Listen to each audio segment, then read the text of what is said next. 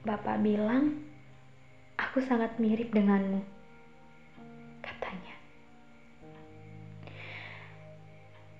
Setiap hari, tak pernah sekalipun kita lewati tanpa adu argumentasi. Kita saling mengalahkan agar salah satunya lebih jatuh daripada apa yang kita inginkan. Kita sama-sama saling melontarkan kata-kata tajam, sehingga kita tak saling mendengarkan. Lalu aku tumbuh dari cacian dunia yang baru aku kenal ini. Katamu itu biasa.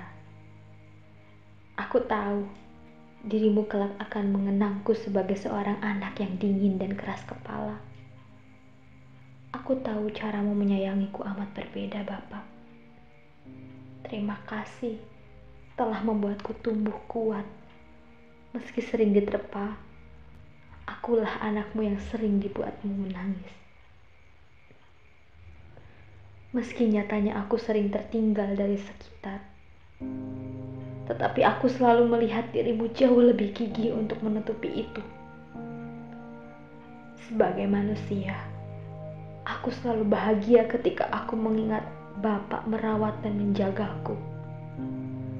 Sesudahnya, aku dibiarkan berkelana dengan dinginnya malam dan panasnya matahari, bersentuhan dengan duri-duri tajam di jalanan, dan mendengar suara-suara bising kendaraan, serta suara manusia yang selalu membuat aku tak nyaman. Namun Bapak membiarkanku bebas menjelma menjadi siapa dan tahu bagaimana berjuang sendirian.